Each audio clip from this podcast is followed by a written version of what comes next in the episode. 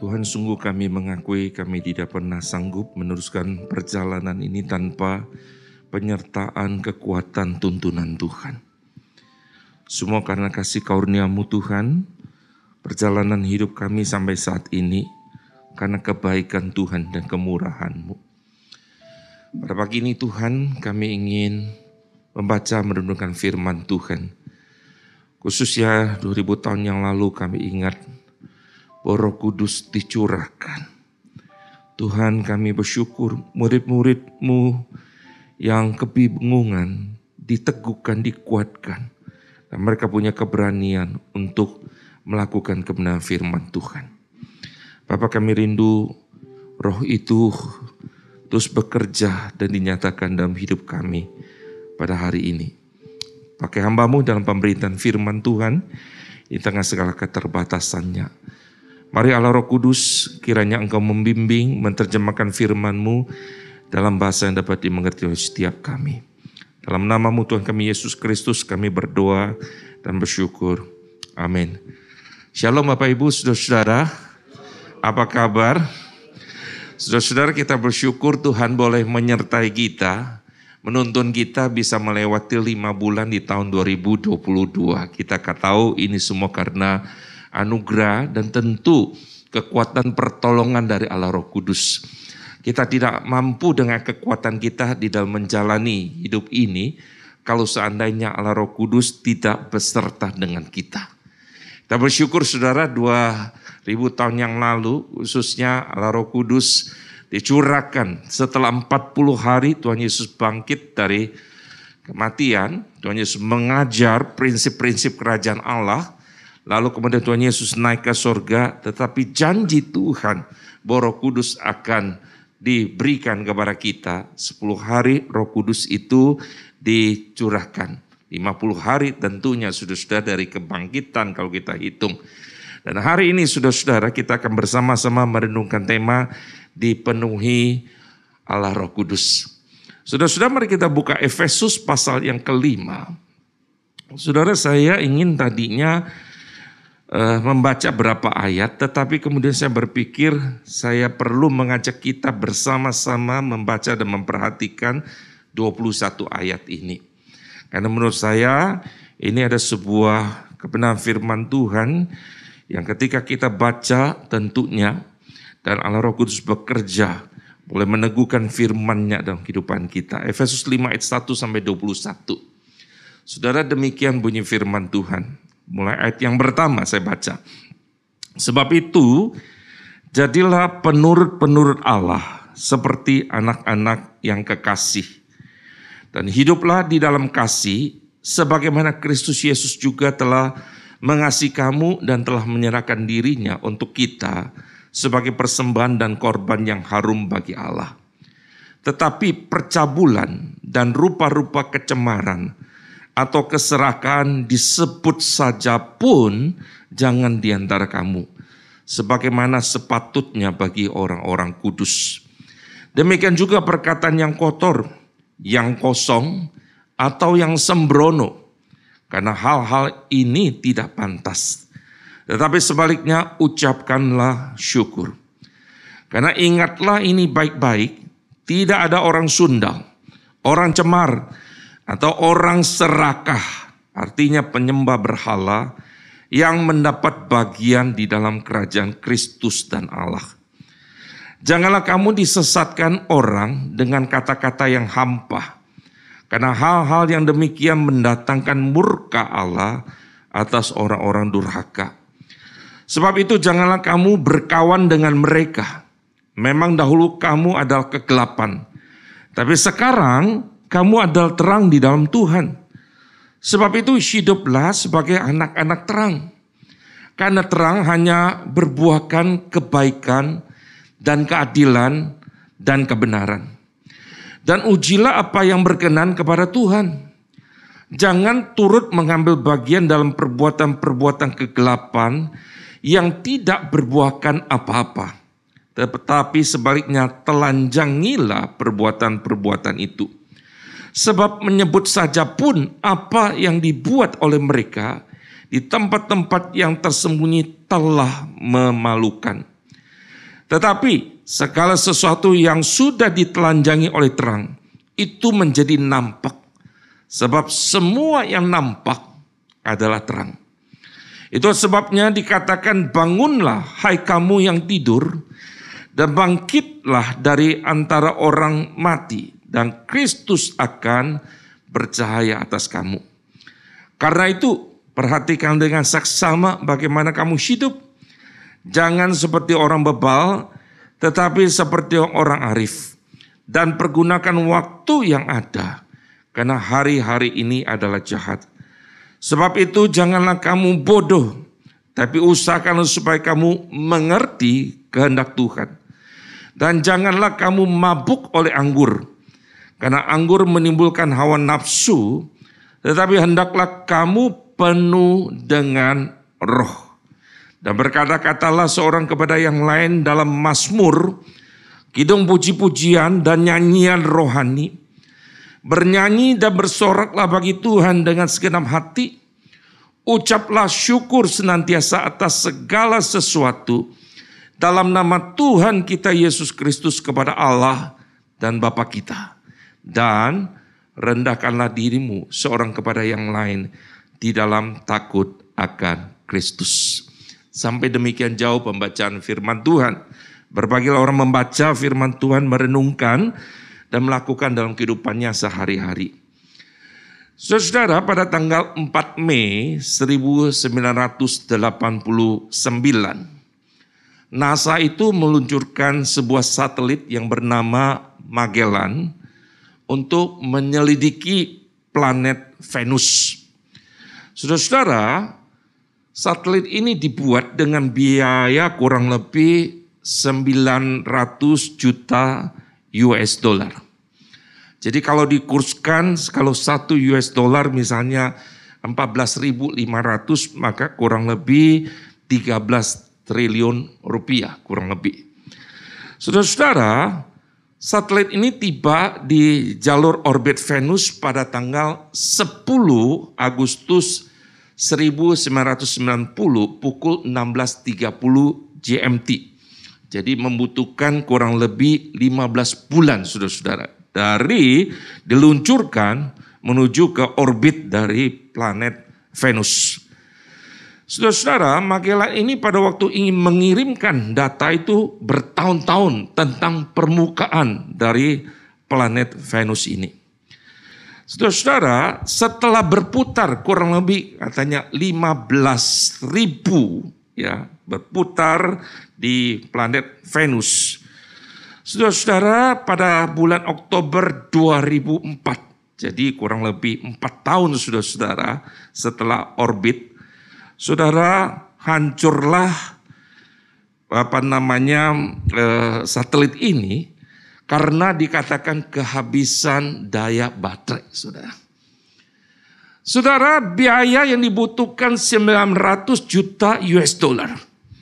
Tapi kemudian sudah karena kehabisan daya, maka teknologi ini yang termasuk canggih pada waktu itu, tidak ada gunanya, hancur saudara.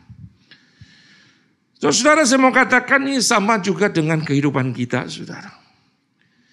Saudara kalau tanpa ada kuasa Allah, tanpa ada pertolongan Allah Roh Kudus, hidup kita yang tidak terhubung saudara-saudara dengan Allah, maka segala usia usaha kita itu akan sia-sia saudara.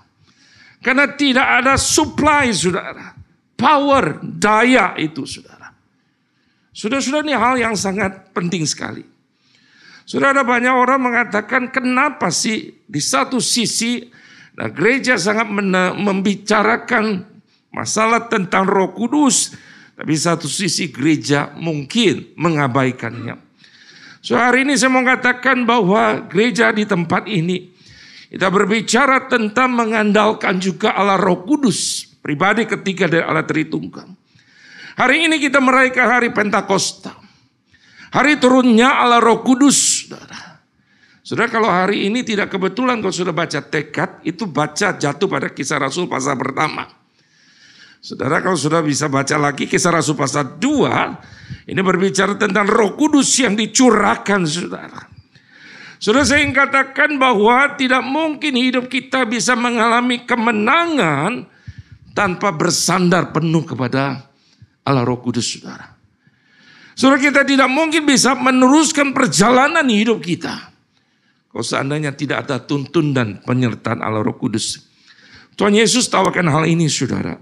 Sehingga kemudian saudara di dalam Yohanes 14 ayat 16. Pada waktu Yesus berkata dia akan naik saudara. Tapi kemudian dia bukan hanya sekedar menghibur dengan mulutnya. Tapi sungguh-sungguh saudara. Tuhan Yesus tahu. Dia berkata aku akan minta kepada Bapa dan ia akan memberikan kepadamu seorang penolong lain. Supaya apa? Yang menyertai kamu selama lamanya saudara. Menyertai kita selama-lamanya. Supaya menolong kita saudara. Saudara sebelum kita membaca nats yang tadi lebih jauh. Saya ingin ajak kita bersama-sama memperhatikan perikop sebelumnya. Kenapa? Karena Rasul Paulus memulai bagian ini dalam Efesus pasal yang kelima dengan berkata, sebab itu. Sebuah kata bahasa Grikanya un dipakai yang menentukan bahwa saudara-saudara ini ada sebuah teks, sebuah kesimpulan atau sebuah akibat penjelasan sebelumnya, saudara. Saudara-saudara teks sebelumnya kalau saudara perhatikan di dalam Efesus pasal 4 itu berbicara tentang apa saudara? Manusia baru saudara. Jadi dengan kata lain saudara kita bisa mengerti waktu Paulus berkata kamu hendak dipenuhi oleh roh kudus. Saudara Paulus tidak berbicara kepada orang yang belum percaya Tuhan. Paulus tidak bicara kepada orang yang belum lahir baru. Tapi Paulus bicara kepada orang yang sudah mengalami kasih karunia Tuhan. Orang yang sudah percaya kepada Tuhan. Saudara berarti saudara firman Tuhan ini ditujukan kepada orang yang sudah apa saudara? Percaya kepada Tuhan. Dan Paulus bilang ini sangat penting sekali Sekalipun kita bilang kita sudah lahir baru, tapi kalau kita tidak hidup dituntun, dipimpin, dipenuhi oleh Roh Kudus, maka hidup kita itu tidak punya kekuatan untuk menghasilkan buah, saudara. Saudara, apa artinya hendaklah kamu penuh dengan Roh Kudus? Saudara dalam Efesus 5 ayat 18b ini, saudara, saudara dipenuhi dengan Roh Kudus atau tepatnya dipenuhi oleh Roh Kudus, artinya pelakunya adalah Allah Roh Kudus. Ini tidak berbicara tentang manifestasi-manifestasi seperti yang kita dengar dari ajaran yang berkembang, Saudara, seperti sekarang ini. Bukan. Tetapi kalau Saudara perhatikan dalam Efesus pasal 5, Rasul Paulus menulis dipenuhi oleh Roh Kudus itu di dalam bentuk imperatif, artinya dalam bentuk perintah yang berarti bahwa ini adalah sebuah keharusan, sebuah perintah, bukan sebuah usulan, sesuatu yang mudah-mudahan, tetapi itu yang harus terjadi dalam kehidupan orang yang sudah lahir baru, orang yang sudah percaya kepada Tuhan. Itu sebabnya saudara saya ingin ajak kita melihat di dalam Efesus pasal yang kelima. Banyak sekali Paulus memakai bentuk imperatif, bentuk perintah. Misalnya sudah-sudah kita akan lihat, saya tidak akan membahas secara detail, tetapi saya ingin ajak kita untuk masuk di dalam pembacaan teks ini supaya kita bisa mengerti tulisan dari Rasul Paulus ini. So yang pertama Paulus berkata, kalau engkau sudah jadi ciptaan baru, kalau engkau sudah jadi manusia baru, maka sudah Paulus berkata, ada bentuk imperatif pertama, mulai ayat yang pertama, Paulus berkata, engkau harus jadilah peniru-peniru Allah, saudara. Sudah sangat menarik, be imitation of God. LAI pakai terjemahan sebab itu jadilah penurut-penurut Allah. Sudah sebenarnya dalam bahasa aslinya, gineste mimetai toteo itu dipakai kata bentuk adalah kamu jadilah bentuk imperatif peniru-peniru Allah. Artinya bahwa hidup kita ini sudah saudara harus mengikuti imitasi dari apa yang Allah lakukan. Saudara-saudara, surat Efesus itu ditulis oleh Paulus bukan sebagai jawaban atas kontroversial, doktrina atau persoalan pastoral seperti banyak surat lainnya. Tapi ini ada sebuah surat pengembalaan dari Paulus, di mana saat ini dia ada di penjara saat itu, dan dia pernah melain jemaat di Efesus selama tiga tahun. Saudara pada saat di penjara, saudara, meskipun dia secara fisik di penjara, tapi hatinya saudara bersama dengan jemaat di sana, saudara, jemaat di Efesus. Itu sebabnya dia ingatkan iman dari jemaat di sana supaya tidak terpengaruh oleh praktek-praktek hidup orang-orang Efesus. Itu sebabnya kalau sudah membaca surah Efesus, berulang-ulang Paulus pakai kata di dalam Kristus, di dalam dia. En Kristo, ento, en auto. Di dalam Kristus, di dalam Kristus, di dalam Kristus. Saudara-saudara, dunia ini menawarkan cara hidupnya, gaya hidupnya. Tapi Paulus mengatakan bahwa jemaat di sana harus meniru Allah bukan dunia ini. Maka Paulus berkata begini, yang pertama kalau kamu hidup baru, jadilah peniru-peniru Allah. Yang kedua, dia berkata, hiduplah di dalam kasih. Sudah bisa melihat dalam ayat yang kedua yang kita baca tadi. Peripatete en agape, dia bilang.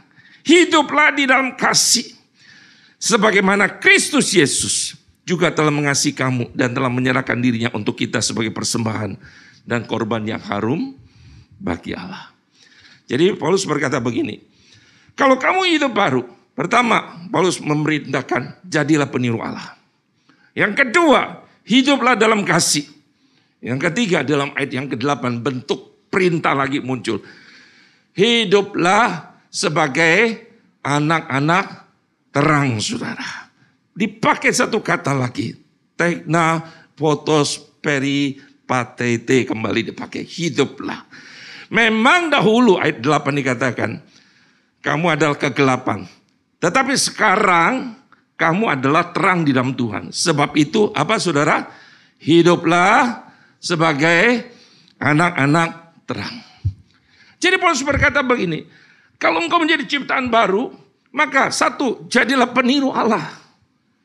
Engkau bukan ikutin dunia ini.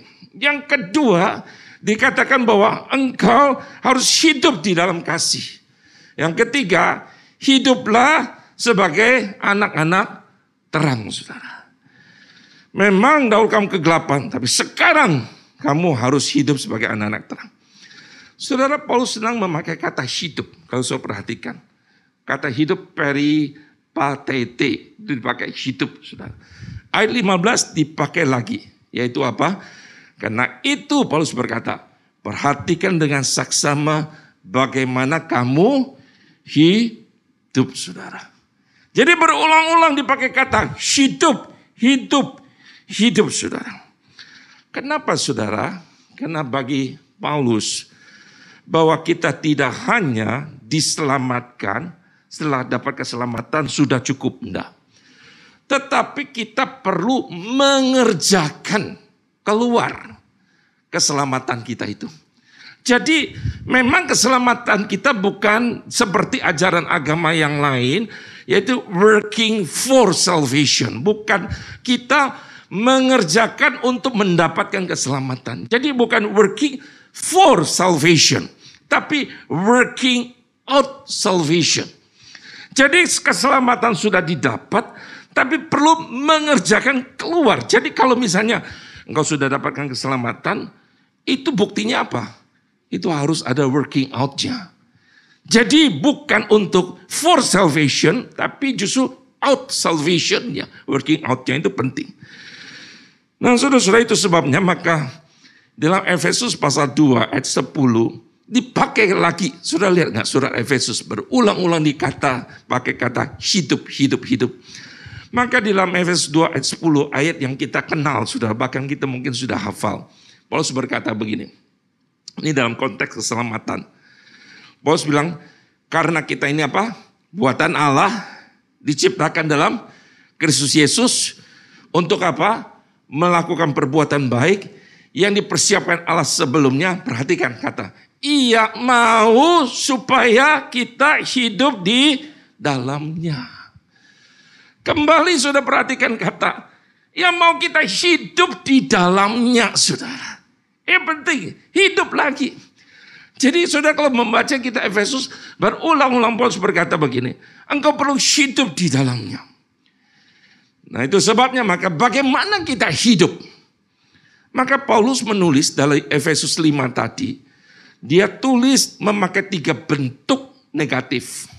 Yaitu apa? Bagaimana kita hidup? Yang pertama, dipakai kata jangan ada tiga. Dalam bahasa Gerikanya, me itu jangan. Jangan yang pertama seperti orang bebal. Ayat 15. Tetapi seperti orang arif. Bagaimana kita hidup? Bagaimana kita menjalaninya? Ingat Paulus bilang jangan seperti orang bebal. Tapi orang arif. Ayat 17. Jangan seperti orang bodoh. Tetapi mengertilah kehendak Allah. Yang ketiga, jangan mabuk oleh anggur. Tetapi dipenuhi terus menerus oleh roh kudus. Jadi Paulus memakai negatif dulu. Jangan, tiga jangan. Yaitu kalau kau mau hidup, hidup jangan seperti orang bebal. Engkau mau hidup jangan jadi seperti orang bodoh. Engkau mau hidup jangan kau mabuk oleh anggur. Tapi hendak penuh oleh roh kudus. Saudara pertanyaannya begini. Kenapa Paulus membandingkan saudara-saudara mabuk dengan anggur dengan dipenuhi oleh roh kudus? Kemungkinan saudara-saudara Rasul Paulus ingin menekankan bahwa dipenuhi oleh roh kudus itu sadar saudara. Kalau orang dipenuhi dengan roh kudus itu, itu bukan seperti maaf orang yang seperti kerasukan atau kemudian orang yang seperti misalnya saudara uh, dimasuki oleh roh jahat lalu kemudian kita nggak sadar. Saya ingat waktu dulu saudara-saudara, waktu kami belum percaya pada Tuhan, saya masih kecil. Nenek saya itu sering saudara-saudara, waktu kerasukan itu minta makan, dikasih nasi sebaskom. Dia makan sudah, saya bingung. Setelah itu selesai, dia bilang, saya lapar loh. Saya bilang Popo baru makan gitu ya. Masa sih saya makan ya? Dia nggak sadar saudara. Dia sudah makan. Sudah perhatikan. Paulus berkata begini. Bahwa orang dipenuhi roh kudus bukan berarti. Eh gue nggak sadar nih. Gue dipakai apa nih? Gue nggak sadar. Enggak saudara. Kita ini sadar Paulus bilang begini. Orang mabuk itu nggak sadar.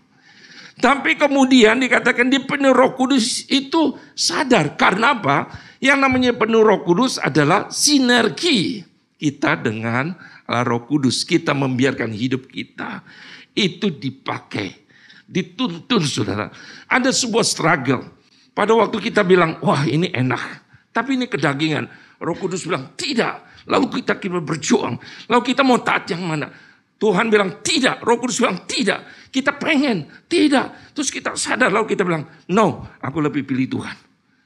Nah inilah sebenarnya namanya kita hidup dipimpin oleh Roh Kudus. Nah saudara-saudara, kata pemenuhan atau dipenuhi itu dari kata pleroo. Saudara hari ini saya ingin sedikit banyak Yunani supaya kita mengerti saya ingin menjelaskan. Apa artinya dipenuhi itu pleroo ini saudara? Yang pertama artinya Pleroo itu penuh itu berarti membuat penuh atau mengisi penuh suatu wadah yang kelihatan. Misalnya saudara-saudara, ini ada ember wadahnya. Saya isi air penuh. Nah itu artinya pleroo, penuh.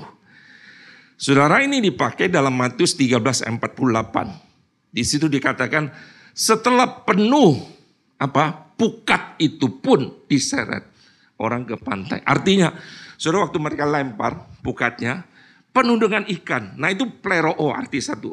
Artinya wadah itu penuh. Itu yang pertama. Tetapi yang kedua, penuh itu bukan dalam arti wadah yang terisi tadi. Ini penuh dalam arti tidak terlihat, tidak teraba, tetapi ada efeknya. Misalnya saudara-saudara, dalam Lukas 2.40 dipakai kata pleroo artinya gini. Yesus penuh hikmat dan kasih karunia Allah ada padanya. Saudara bisa bayangkan, penuh hikmat gimana sih? Saudara bisa gambar ada wadah? Enggak gitu ya.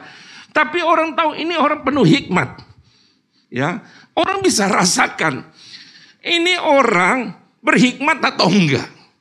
Jadi waktu orang penuh dengan hikmat, seperti Yesus dikatakan penuh hikmat, itu bisa terasa. Saudara. Walaupun tidak ada wadahnya seperti begitu.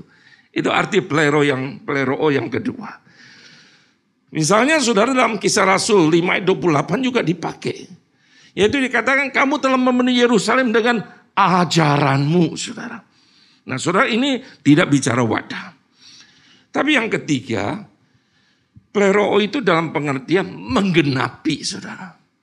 Misalnya dalam Matius 3 ayat 15. Ketika Yesus dibaptis, Yesus berkata, biarlah hal itu terjadi karena demikianlah sepatutnya kita menggenapi seluruh kehendak Allah. Saudara, arti apa saudara? Plero menggenapi. Jadi kalau kita melihat, kalau orang hanya mengatakan begini, dipenuhi roh kudus itu seperti hanya wadah saja dipenuhi. Ini luber nih, keluar nih. Ya, hanya seperti begitu. Saudara ini tidak memahami seluruhnya. Dan Alkitab mengatakan bahwa bukan cuma sekedar manifestasi yang ditonjolkan. Tapi sungguh seperti seorang dipenuhi roh kudus berarti juga orang itu berhikmat. Yang sebenarnya saudara, enggak lihat wadahnya penuh tetapi terasa efeknya saudara. Dan kita bisa tahu, ini orang benar-benar penuh dengan roh kudus atau enggak. Seperti begitu. Ini orang dia lakukan itu menggenapi kehendak Allah atau tidak. So itu gambaran waktu bicara tentang dipenuhi oleh roh kudus. Maka saudara, saya ingin lanjut lebih dalam nanti ke aplikasinya saudara. Waktu berkata di dalam Efesus 5 ayat 18, dikatakan dipenuhi roh kudus itu ditulis dalam bentuk orang kedua jamak, present, imperatif, pasif. Maksudnya begini saudara-saudara. Artinya apa? Yang pertama, kita mengerti yang namanya dipenuhi roh kudus itu adalah sebuah perintah. Bukan usulan, bukan mudah-mudahan kalau bisa. Enggak. Karena ini sudah saudara ada perintah, maka harusnya hidup kita yang sudah lahir baru harus betul-betul tunduk pada tuntunan dan pimpinan dari Allah Roh Kudus. Jadi dengan kata lain saudara, mustahil saya bisa hidup tanpa apa saudara? Allah Roh Kudus. Betul ya? Tadi kita sudah nyanyi banyak lagu bicara Allah Roh Kudus. Ya, Tuhan tadi kita nyanyi Allah Roh Kudus penuhi kami, kan? Kita minta begitu. Kenapa kita butuh ya Roh Kudus menolong kita, menuntun kita filled with Holy Spirit. Saudara, yang kedua, dipenuhi roh kudus itu bukan sekelompok orang. Tetapi semua orang percaya. Surah karena Paulus memakai kata jamak orang kedua jamak yang berarti kamu sekalian. Jadi artinya Paulus yang berkata bahwa dipenuhi roh kudus bukan cuma pendeta. Bukan cuma penatua. Bukan cuma majelis. Bukan cuma pelayan Tuhan. Tapi setiap orang percaya itu bisa dipenuhi oleh Roh Kudus. Jadi bukan ini merasa berkaitan dengan jabatan enggak. Tetapi kami semua, kamu semua. Maka ditulis dalam bentuk kedua jamak. Sudah ini penting. Sudah pada murid-muridnya itu adalah orang biasa. Mereka orang tidak terpelajar. Dari status sosial mereka orang biasa. Tapi perhatikan enggak. Waktu mereka dipenuhi roh kudus waktu dihadapkan dalam sidang di Yerusalem. Di hadapan imam besar Hafaz, Han, Hanas, Kayafas, Yohanes, Alexander, dan bahkan semua keturunan imam besar. Mereka punya keberanian luar biasa. Bahkan Petrus dulunya takut nih. Ketemu dengan seorang wanita saja. Tiba-tiba dia berani berkata dalam kisah Rasul 4.19. Dia bilang, silakan kamu putuskan sendiri manakah yang benar di hadapan Allah? Taat kepada kamu atau taat kepada Allah? Sebab tidak mungkin bagi kami untuk tidak berkata-kata tentang apa yang kami lihat dan apa yang kami dengar. Saudara nggak bisa membelenggu kami istilahnya. Paulus berkata. Ini adalah roh kudus. Petrus berkata, nggak bisa membelenggu. Sudah mungkin pandemik bisa mungkin menjaga jarak kita ya. Tetapi sudah-sudah tidak bisa menjaga. Sekali lagi, jarak firman Tuhan itu tidak disebarkan, itu diberitakan sudah. Sudah kita melihat ini perubahan yang luar biasa yang terjadi. Sehingga kemudian di firman Tuhan berkata begini, ketika sidang melihat keberanian Petrus dan Yohanes dan mengetahui bahwa keduanya orang biasa, tidak terpelajar, heranlah mereka. Dan yang sangat menarik adalah begini, dan mereka mengenal keduanya sebagai apa? Pengikut Kristus. Di situ firman Tuhan berkata, mereka heran. Mereka itu apa? They were unschooled. Mereka tidak terpelajar. Dan mereka mengenal bahwa mereka pengikut Kristus.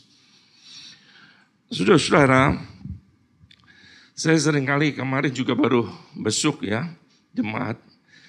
Ketika mereka mau ada operasi, saya bilang gini, jangan takut. Sebab apa? Sebab Tuhan nggak tinggalkan kita. Ada Allah Roh Kudus. Ada kekhawatiran orang tua kalau jalan operasi dia bilang gini, pikir anaknya bisa nemani, tapi nggak bisa.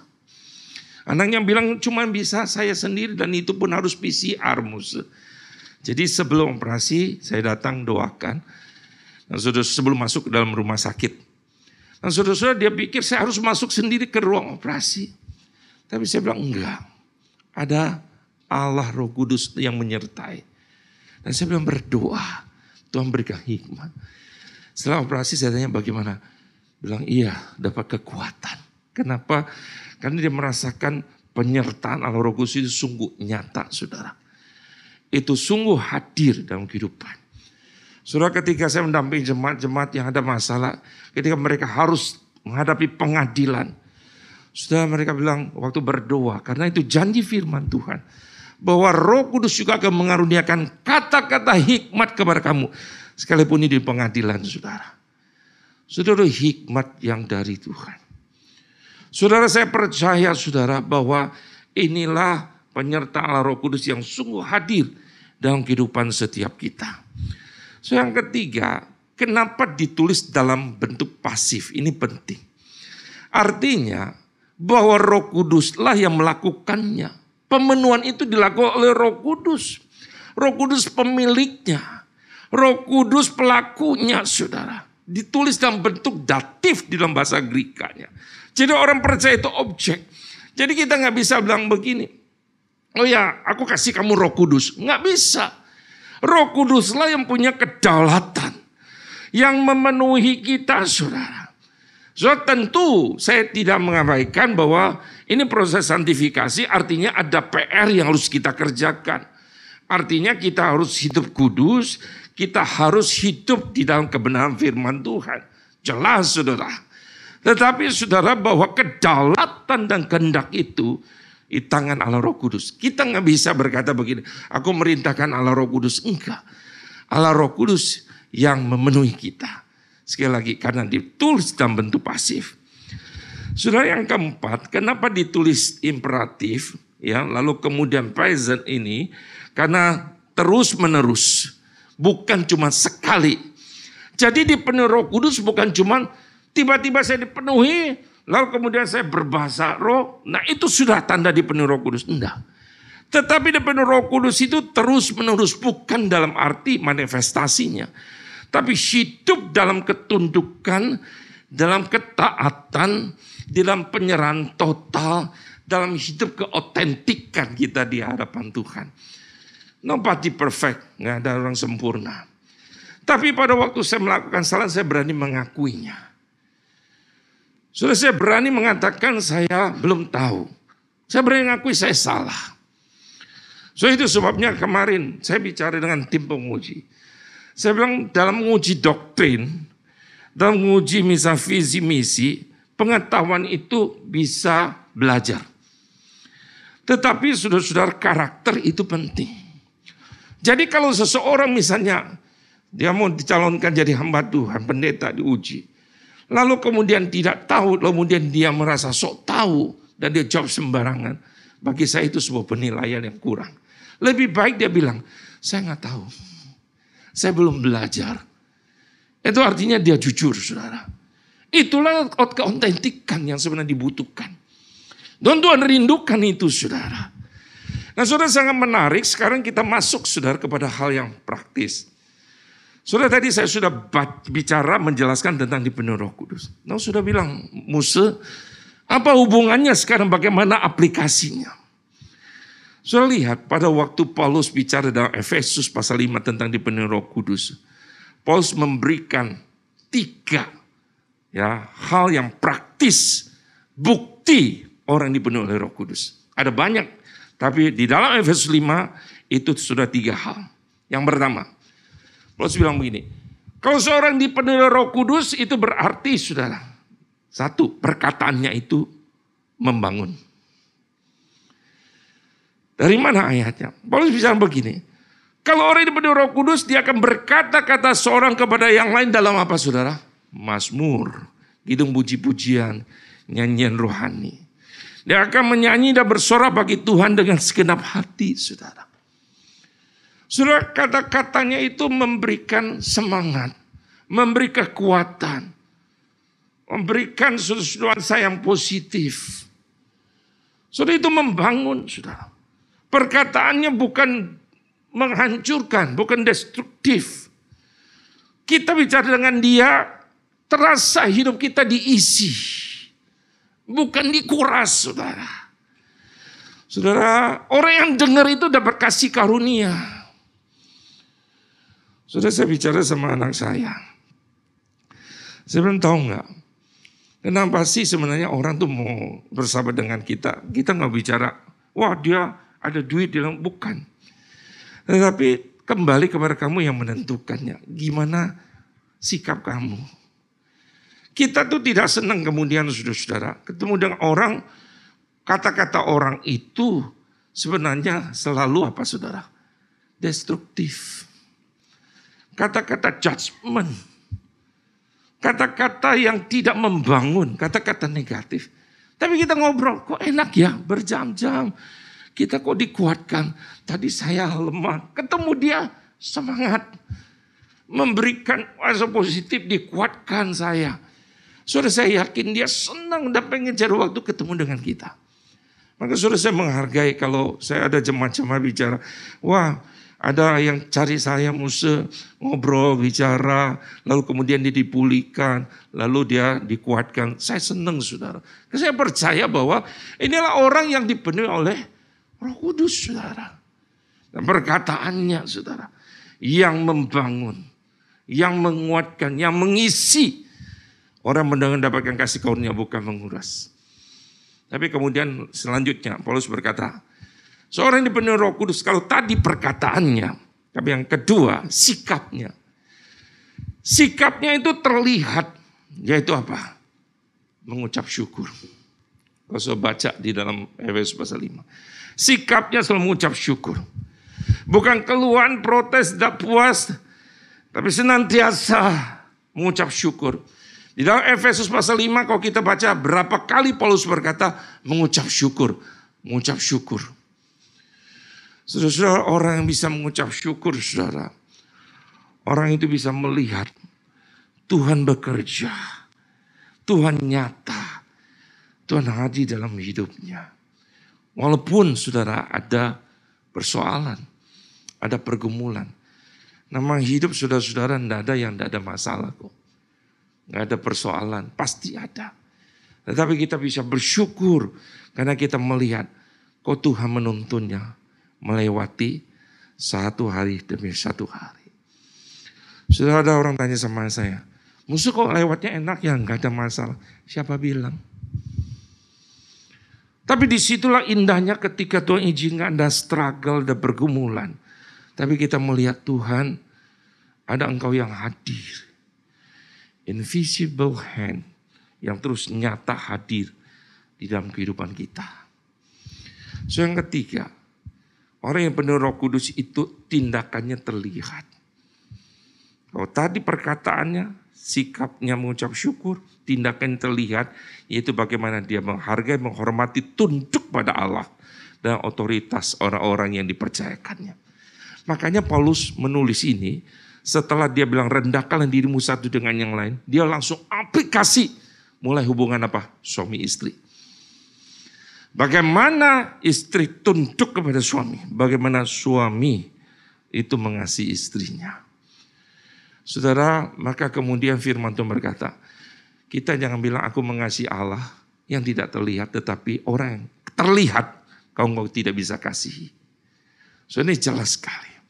Bagaimana engkau bilang engkau melain Tuhan tetapi engkau tidak bisa mengasihi orang tuamu. So saya paling benci ketika lihat besok ada jemaat yang sudah tua. Bilang saya punya lima anak, enam anak. Tapi anaknya enggak pernah bantu perhatian kepada orang tuanya. So saya ketemu banyak ada jemaat berkata begini, ada satu orang tua, musuh saya bisa besarkan tujuh anak. Tapi satu anak pun tidak bisa biayain aku sampai sekarang. Saudara-saudara bukan orang susah. Tapi bisa aktif melayani. Tetapi tidak perhatian kepada orang tuanya.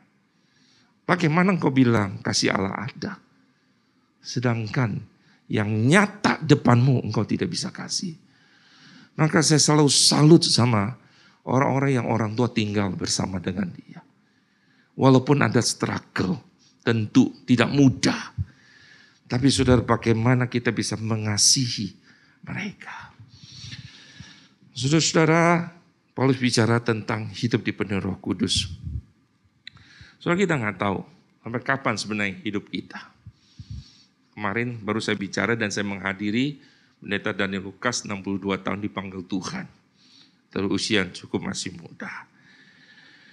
Saudara, kita nggak tahu kapan Tuhan beri kita kesempatan hidup. Ada jemaat yang bercanda sama saya sih. Dia bilang gini, musuh masa pandemi gini hati-hati ya kalau Tuhan panggil. Kalau Tuhan panggil pura-pura nggak dengar nantinya gitu. Jadi jangan jangan dengar aja ke Tuhan panggil, jangan jawab. Saya bilang, mana bisa kamu kalau saya panggil kamu, kamu nggak jawab nggak apa-apa. Tapi kalau Tuhan panggil, langsung, saudara. Nggak bisa kita bilang, Tuhan belum selesai nih. Tuhan ini masih ada nih, Kang tahu nih. ya Kira-kira saya tanda tangan kontrak nih 30 M. Tuhan bilang, no. Waktu Tuhan panggil kembali. Selesai. So pertanyaannya begini. Yang penting ada bicara bagaimana kita mengisi hidup kita sekarang yang Tuhan masih percayakan. Maka tadi lagu saudara, jangan lelah. Terus kita dan kita dalam pekerjaan Tuhan. Saya percaya sudah apa yang kita kerjakan dengan sungguh-sungguh.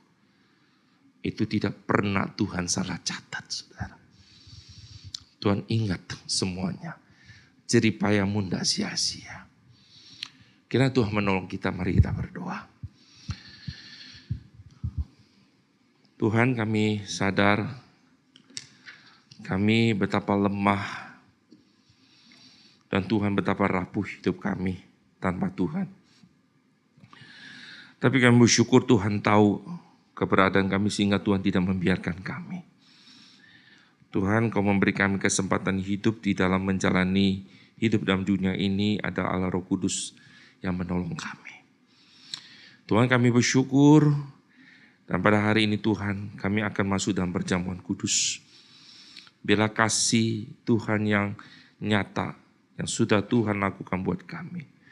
Sekali lagi Tuhan pada hari ini kami rindu terus memenuhi hati kami, pikiran kami, dan membuat kami untuk hidup sepenuhnya buat Tuhan. Kami butuh pertolongan dari Allah Roh Kudus. Dalam namamu Tuhan kami Yesus Kristus kami berdoa dan bersyukur. Amin.